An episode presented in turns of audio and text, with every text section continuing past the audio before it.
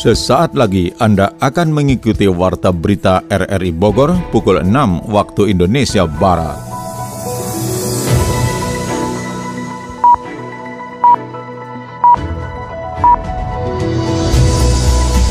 Selamat pagi. Saudara, kita kembali bersua lewat Warta Berita Senin 23 Januari 2023. Siaran ini juga dapat Anda dengarkan melalui audio streaming RRI Play Go dan dapat Anda dengarkan kembali lewat podcast kami di Spotify, Anchor, Podtail, dan Google Podcast. Berikut kami sampaikan berita utama.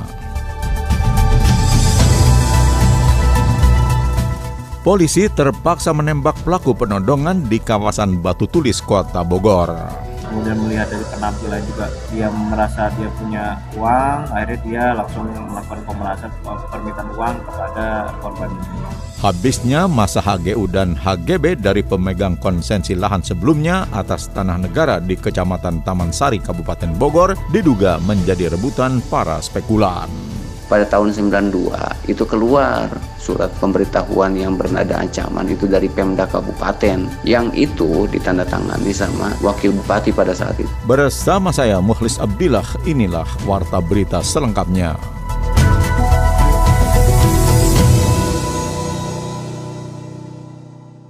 Saudara polisi terpaksa menembak pelaku penodongan di kawasan Batu Tulis, Kota Bogor. Selengkapnya mengenai hal itu dilaporkan Sony Agung Saputra. Aksi pelaku penodongan dengan tersangka berinisial DM berhasil digagalkan oleh kepolisian Resort Bogor Kota. Pelaku melakukan aksi jahatnya dengan menodong seorang warga yang sedang menyantap makanan di salah satu kedai di kawasan Batu Tulis, Bogor Selatan menggunakan senjata tajam. Kasat Reskrim Polresta Bogor Kota Kompor Rizka Fadilah mengatakan saat melakukan penodongan pelaku memaksa meminta uang kepada masyarakat yang sedang melakukan aktivitas makan di kawasan Batu Tulis. Karena tidak berdaya maka korban memberikan sejumlah uang kepada pelaku kemudian berusaha melarikan diri. Ada korban itu dia langsung mengalungkan celurit dan menodongkan seperti pistol ke kepala korban dan dia meminta sejumlah uang. Dia random karena memang si tersangka ini juga tidak pernah ketemu dengan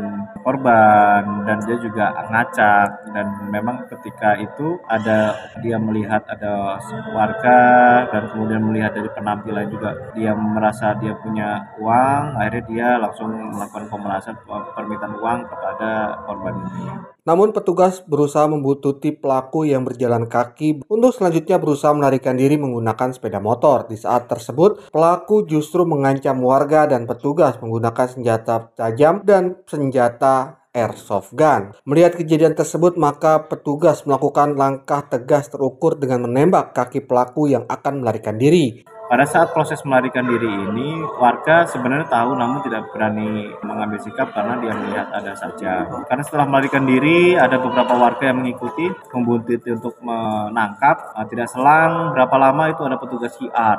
Ya, ada petugas QR lewat, kemudian juga ada tim anggota sersen yang tidak berseragam ya untuk melakukan pengejaran dan untuk melakukan penangkapan. Tertangkap tidak jauh dari oh, masih. kita ya masih dari TKP karena yang bersangkutan juga dalam pengejaran juga mengayunkan senjata tajam. Ya. Masih pengembangan, masih pengembangan informasi bersangkutan dia diantar dengan temannya. Namun pada saat di TKP, pada saat saksi oh. juga tidak melihat. Saat ini kita masih melakukan pengembangan. Saat ini pelaku sudah berada di tahanan Mapolresta Bogor Kota sedangkan Polisi memburu seorang teman pelaku yang diduga ikut dalam aksi kejahatan tersebut menggunakan sepeda motor. Habisnya masa HGU dan HGB dari pemegang konsesi lahan sebelumnya atas tanah negara di Kecamatan Taman Sari, Kabupaten Bogor diduga menjadi rebutan para spekulan. Seperti dilaporkan Yofri Haryadi. Klaim pengelolaan atas tanah negara di Kecamatan Taman Sari, Kabupaten Bogor kembali mengemuka. Tanggal 5 Januari, warga penggarap lahan XPTPN 11 Perkebunan Ciomas menerima surat layangan somasi dari pihak ketiga yang mengklaim kuasa atas tanah warga. Ketimpangan penguasaan atas tanah negara yang secara existing dikelola oleh masyarakat melawan korporasi itu pun seolah dibiarkan tanpa ada kepastian hukum yang jelas. Mewakili para penggarap lahan lainnya, warga Taman Sari Kabupaten Bogor Asep Suryana memastikan klaim HGU dan HGB oleh korporasi didapatkan dengan cara yang tidak sesuai aturan hukum. Pasalnya Pasalnya sejak tahun 1983 hingga 1987, legalitas dan pendataan pemanfaatan atas tanah negara di atas perkebunan Ciomas sudah dimiliki bahkan warga membayar IP dan pajak bumi sebagai bentuk kewajiban meski bukan menjadi bukti kepemilikan tanah. Kan sesuai Undang-Undang Pokok Agraria nomor 5 tahun 60 itu nyebutin kalau petani penggarap yang udah menguasai lahan dalam waktu tertentu itu bisa memohon hak atas tanah tersebut gitu. Itu juga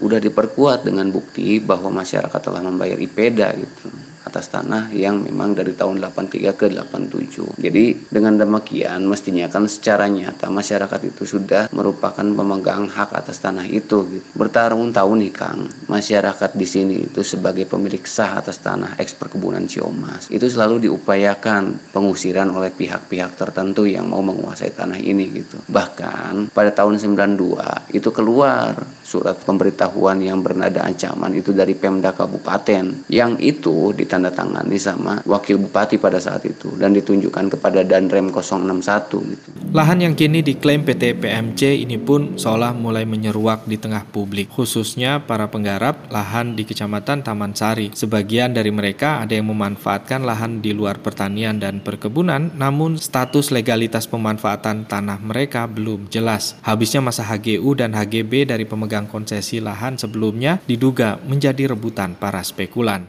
Mengantisipasi kepadatan arus lalu lintas saat akhir pekan dan libur Imlek, Polresta Bogor Kota menerjunkan 87 personil. Berikut catatan Sony Agung Saputra. Upaya mencegah kemacetan, Polresta Bogor Kota memberikan pelayanan saat long weekend Tahun Baru Imlek. Kasat Lantas Polresta Bogor Kota Kompol Gali Aprilia mengatakan pihaknya menerjunkan 87 personil untuk mengantisipasi kepadatan arus khususnya di pintu Kebun Raya Bogor, jalur kuliner Pajajaran, wisata Kuntum Tajur, BNR, wisata Janggelen, akses keluar masuk tol. Dalam melakukan pelayanan saat libur panjang Tahun Baru Imlek itu, Satlantas Polresta Bogor Kota melakukan strategi pada kondisi lalu lintas lancar, seluruh personil melakukan pengaturan kelancaran. Pada saat kondisi padat seputaran sistem satu arah lingkar Istana Kebun Raya Bogor, maka dilakukan pengalian mulai dari exit tol Bogor dibelokkan ke kiri sehingga mengurangi kepadatan di Otista, Juanda, dan Sempur. Kemudian pada saat kepadatan yang berlebih untuk yang akan masuk ke kota Bogor melalui tol Bogor dialihkan ke pintu tol Bor atau pintu tol Bogor Selatan. Personil Intersen tol dikoordinasi dengan PJR melakukan pengalihan. Kemudian juga melakukan cara bertindak dengan indikator pengalihan tiga bendera berwarna yang dipasang di exit tol Bogor, CCTV monitor, informasi petugas, kemudian juga diberikan informasi petugas dan informasi masyarakat. Sementara itu, selain buka tutup jalur mengantisipasi kepadatan lalu lintas di jalur puncak pada akhir pekan dan libur Imlek, Polres Bogor juga memberlakukan ganjil genap hingga Senin tengah malam nanti. Adi Fajar menurunkan catatannya. Arus lalu lintas di kawasan Puncak Bogor selama libur panjang perayaan Imlek 2023 mengalami peningkatan. Kepadatan kendaraan wisatawan dikarenakan diberlakukannya libur Imlek bersamaan dengan cuti bersama hingga hari Senin 23 Januari 2023. Kepala Bagian Operasi KBO Satlantas Polres Bogor Ibtu Ketut Laswarjana mengungkapkan kenaikan volume kendaraan saat libur panjang ini mencapai 20% yang menyebabkan kemacetan di jalur puncak. Petugas lapangan terus bersiaga melakukan pengamanan jalur untuk mengantisipasi kemacetan panjang. Kita melihat situasi dari pagi itu, memang peningkatan menuju ke arah puncak ini cukup lumayan, kurang lebih hampir ada 20 persen. Untuk mengurai kemacetan yang mengarah ke puncak Bogor, pihaknya lanjut ketut memperlakukan rekayasa arus lalu lintas, seperti sistem satu arah atau one way dan sistem lawan arus atau kontraflow di keluar tol Jogorawi. Namun kebijakan one way diterapkan mengikuti situasi di lapangan. Sementara ketut menambahkan, kebijakan ganjil genap juga tetap diberlakukan hingga Senin tengah malam. Kami dari Salantas Polres Bogor melaksanakan rekayasa lalu lintas berupa one way ke arah puncak. One way ini diberlakukan tadi tepat di jam 8.20 itu Gadok sudah terbuka one way ke arah puncak. Mengingat arus yang menuju ke puncak ini lebih padat dibandingkan dengan arus yang menuju ke arah Jakarta. Kemudian kami juga melaksanakan uh, genap ganjil sampai dengan hari Senin di jam 24.00. Para wisatawan diimbau untuk mewaspadai titik-titik rawan kemacetan karena banyak masyarakat yang berkunjung ke tempat wisata di sepanjang jalur puncak. Bagi kendaraan yang melintas menuju kawasan puncak namun plat nomor dan tanggalnya tidak sesuai akan diputar balikan oleh petugas yang berjaga. Mbak, jangan deket-deket dia mbak, sumpah tadi saya deket pegang-pegang Video apaan itu, Ra? Lihat deh, ini viral kasus pelecehan seksual di transportasi umum. Ih, serem banget. Mana kita kan setiap hari pulang naik kereta. Iya, ih. Transportasi umum gak ada yang aman. Mana modusnya macam-macam. Ada yang tasnya dikedepanin, ada yang bawa map, duduknya mepet-mepet lah. Kita tuh harus bisa jaga diri. Caranya, jangan terlalu asik sama handphone. Perhatiin sekitar kita. Terus kalau kita naik kereta, lebih baik duduknya di gerbong khusus wanita. Kalau di angkot, ya duduknya deket pintu aja. Iya sih, biar aman. Bisa juga nih, siapin dalam tas semprotan dari cairan cabai atau merica. Atau kalau berani, teriak aja. Jangan diem-diem baik. Nah, benar. Eh, tuh keretanya udah mau datang. Yakin tetap jadi naik kereta? Yakin, aman. Oke deh, pulang yuk. Yuk, cus. Saudara Kemendikbud Ristek menyambut baik 5.130 lebih relawan dari berbagai daerah di Indonesia yang dengan sukarela dan berkomitmen membantu menyukseskan program Kartu Indonesia Pintar KIP Kuliah Merdeka tahun 2023. Mereka nantinya akan melakukan sosialisasi dan pendampingan terhadap siswa penerima dan calon penerima KIP Kuliah Merdeka. gmail.com. Pelaksana tugas atau PLT Kepala Biro Kerjasama dan Hubungan Masyarakat Kemendikbudristek Anang Ristanto berharap dengan adanya program tersebut, para relawan dapat menyampaikan informasi yang tepat tentang program KIP Kuliah Merdeka kepada masyarakat. Pihaknya menyadari tidak dapat bekerja sendiri karena pendidikan merupakan tanggung jawab bersama. Untuk itu, kolaborasi dengan masyarakat sangat dibutuhkan. Senada dengan itu, Koordinator Nasional Komunitas Pemuda Pelajar Merdeka Rizal Maula juga berharap 5.000 relawan tersebut bisa bergerak bersama sehingga menjadi gerakan masif di tengah masyarakat melalui media sosial. Ia ingin para siswa di seluruh Indonesia yang akan mendaftar Kartu Indonesia Pintar KIP kuliah tersebut bisa mendapatkan informasi secara tepat dan cepat. Sementara itu, Koordinator Program Relawan KIP Kuliah 2023 Muhammad Faisal mengatakan para relawan nantinya bertugas untuk meningkatkan kepedulian terhadap pendidikan di Indonesia, menyosialisasikan program Merdeka Belajar KIP Kuliah, mendampingi calon mahasiswa baru untuk mendaftar KIP Kuliah Merdeka, serta membantu calon mahasiswa mendapatkan informasi yang tepat mengenai beasiswa. Dari dunia ekonomi dilaporkan Menteri Keuangan Sri Mulyani menyebutkan alokasi dana perlindungan sosial dalam APBN 2023 mencapai 476 triliun. Itulah antara lain informasi ekonomi yang selengkapnya disampaikan Adi Fajar. Menteri Keuangan Sri Mulyani menegaskan alokasi dana perlindungan sosial atau Perlinsos dalam anggaran pendapatan dan belanja negara APBN mencapai 476 triliun rupiah pada tahun 2023. Alokasi ini akan diserap untuk melanjutkan program bantuan sosial atau Bansos. Sri Mulyani menjelaskan anggaran Perlinsos pada 2023 hampir sama dengan anggaran tahun 2022. Kendati demikian terdapat sejumlah komponen yang diubah atau didesain ulang sebab beberapa program bantuan pada 2022 2022 tidak dilanjutkan ke tahun ini. Sebagai contoh, dana bantuan minyak goreng dan subsidi upah merupakan respon terhadap guncangan ekonomi pada tahun lalu. Sri Mulyani menegaskan anggaran perlindungan sosial memang tujuannya untuk melindungi masyarakat yang paling rentan dan paling miskin. Perlindungan sosial merupakan salah satu alokasi belanja strategis negara untuk menangkal guncangan ekonomi global yang diperkirakan terjadi pada tahun ini.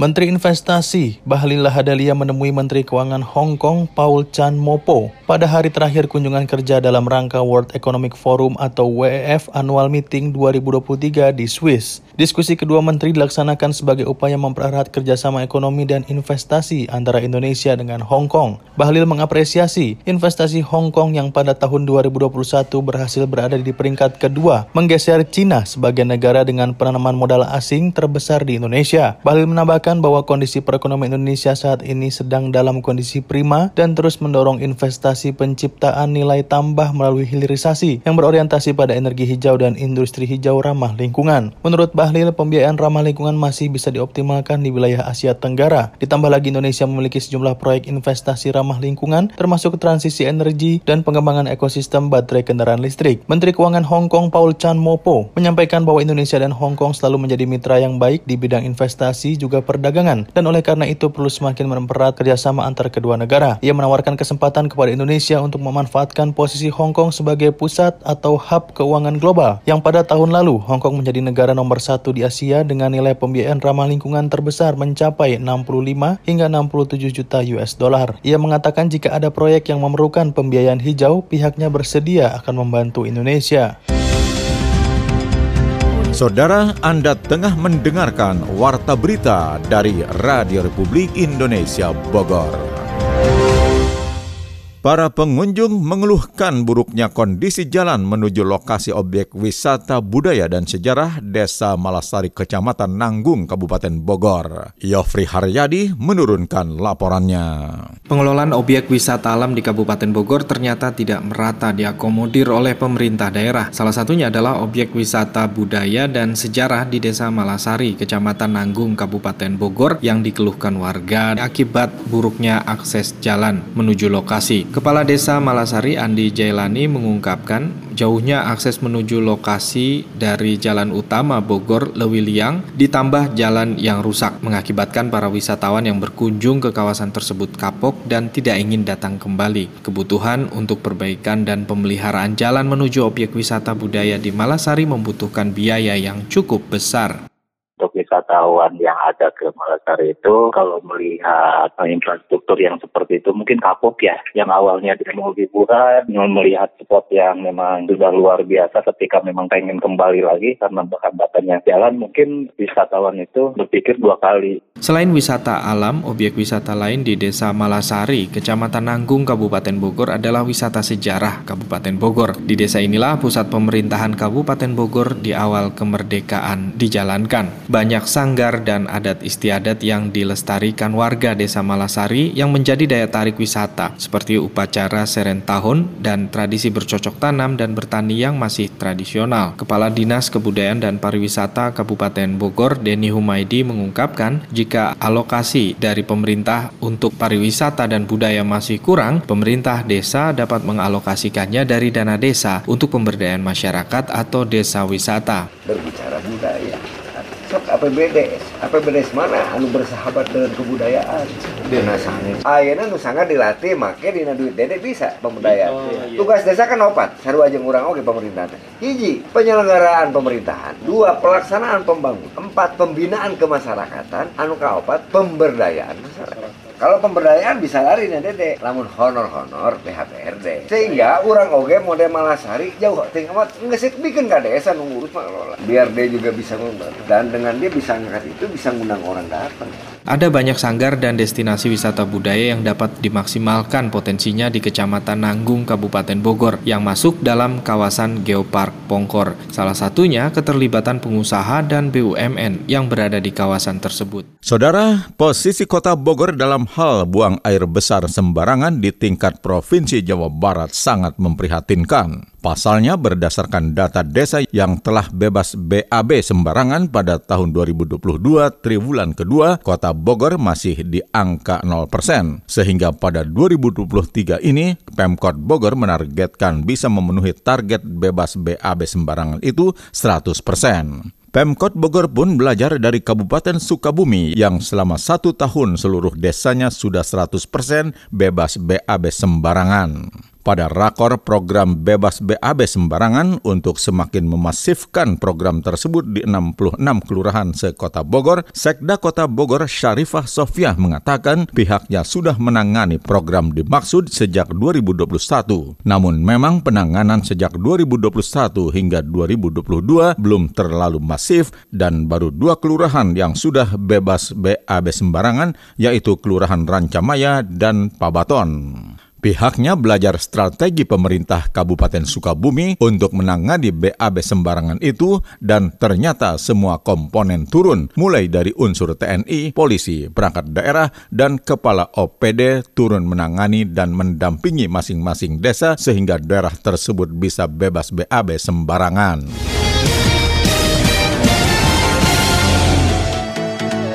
Berita olahraga sempat viral dan dinarasikan negatif Dua siswa asal SMP Negeri 1 Ciawi Kabupaten Bogor kini menuai banyak dukungan. Itulah antara lain informasi olahraga yang selengkapnya disampaikan Ermelinda. Sempat viral dan dinarasikan negatif dua siswa asal SMPN 1 Ciawi kini menuai banyak dukungan sebagai atlet dan sport Keisha Aditya Putra Winardi dan juga Devina Anindita dinilai telah membanggakan Kabupaten Bogor atas torehan prestasinya. Devina mengatakan sempat drop dengan informasi yang beredar di masyarakat, namun berkat dukungan sejumlah pihak ditambah helatan kompetisi olahraga yang bakal digelar menjadi penyemangat pelajar kelas 7 tersebut. Bahkan Devina pun berharap ke depan bisa akan lebih baik dalam meraih prestasi terutama bagi IO di Kabupaten Kabupaten Bogor. Kita kalau misalkan kita udah dewasa, terus ngelihat ada anak-anak yang seusia kita dibully lagi kayak kita, kita harus yang memberikan support kepada mereka gitu, biar mental mereka tuh bagus. Kayak Kak Agnes sih pengen ya, cuman kalau misalkan jadi dance latar belakangnya Kak Agnes, kita juga masih ada di naungannya IOD kan, jadi kita bener-bener nggak bisa ngasih ngambil di kesempatan ini Ketua KONI Kabupaten Bogor juga Junaidi Samsudin menegaskan dance sport atau tarian yang dilakukan kedua siswa itu merupakan salah satu cabang olahraga yang terdaftar dalam Komite Olahraga Nasional Indonesia atau KONI. Junsa merasa bangga dengan kedua atlet tersebut. Di usianya yang masih belia diharapkan terus semangat meski ditimpa permasalahan. Minta maaf kepada masyarakat Kabupaten Bogor juga seluruh masyarakat Indonesia yang mungkin melihat video yang viral ini membuat gaduh ya bahwa ada atlet Kabupaten Bogor, atlet Jansa Kabupaten Bogor membuat gaduh menjadi viral. Viralnya di sisi negatifnya ini yang ingin saya klarifikasi bahwa dance sport itu atau tarian yang viral itu adalah cabang olahraga yang dipertandingkan atau menjadi anggota KONI yang dipertandingkan baik di Porprov, PON, SEA Games, ASEAN Games maupun Olimpiade. Jadi sekali lagi itu adalah campur olahraga. Wakil Kepala Bidang Kehumasan SMPN 1 Ciawi juga angkat bicara. Suparman mengaku sekolah juga akan selalu memberikan dukungan terhadap Aditya dan Devina dan tentunya juga kepada siswa lain yang berprestasi bagi kemajuan bangsa dan negara. Prediksi lain Timnas Indonesia U20 di Piala Dunia U20 2023. Skuad Garuda Muda akan diperkuat tiga pemain naturalisasi anyar di turnamen bergengsi tersebut. Sebagai informasi, Piala Dunia U20 2023 akan digelar di Indonesia mulai tanggal 20 Mei hingga 11 Juni 2023. Timnas Indonesia U20 bakal tampil di turnamen tersebut karena statusnya sebagai tuan rumah. Timnas Indonesia U20 masih akan dipimpin pelatih Sinteyong di Piala Dunia U20 2023. Pecinta sepak bola tanah air berharap skuad Garuda mampu melaju jauh di turnamen tersebut. Pelatih Sinteyong diyakini menurunkan kekuatan terbaik di turnamen nanti. Terdapat sejumlah nama yang diduga kuat akan masuk ke skuad final Timnas Indonesia U20 untuk Piala Dunia U20 2023. STY di diprediksi akan menurunkan formasi 4-2-3-1 di turnamen tersebut. Cahya Supriyadi akan tetap menjadi kiper utama skuad Garuda Muda. Sebelum tampil di Piala Dunia U20 2023, Timnas Indonesia U20 akan berlaga terlebih dahulu di Piala Asia U20 2023. Turnamen itu akan bergulir pada tanggal 1 hingga 18 Maret 2023. Menarik untuk menyaksikan kiprah skuad Garuda Muda di dua turnamen bergengsi tersebut.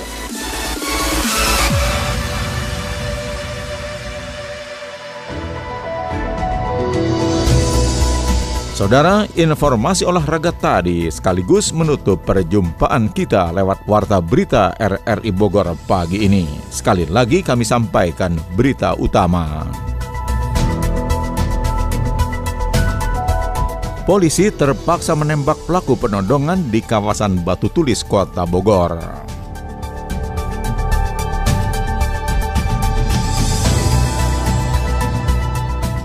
Habisnya masa HGU dan HGB dari pemegang konsensi lahan sebelumnya atas tanah negara di Kecamatan Taman Sari, Kabupaten Bogor, diduga menjadi rebutan para spekulan.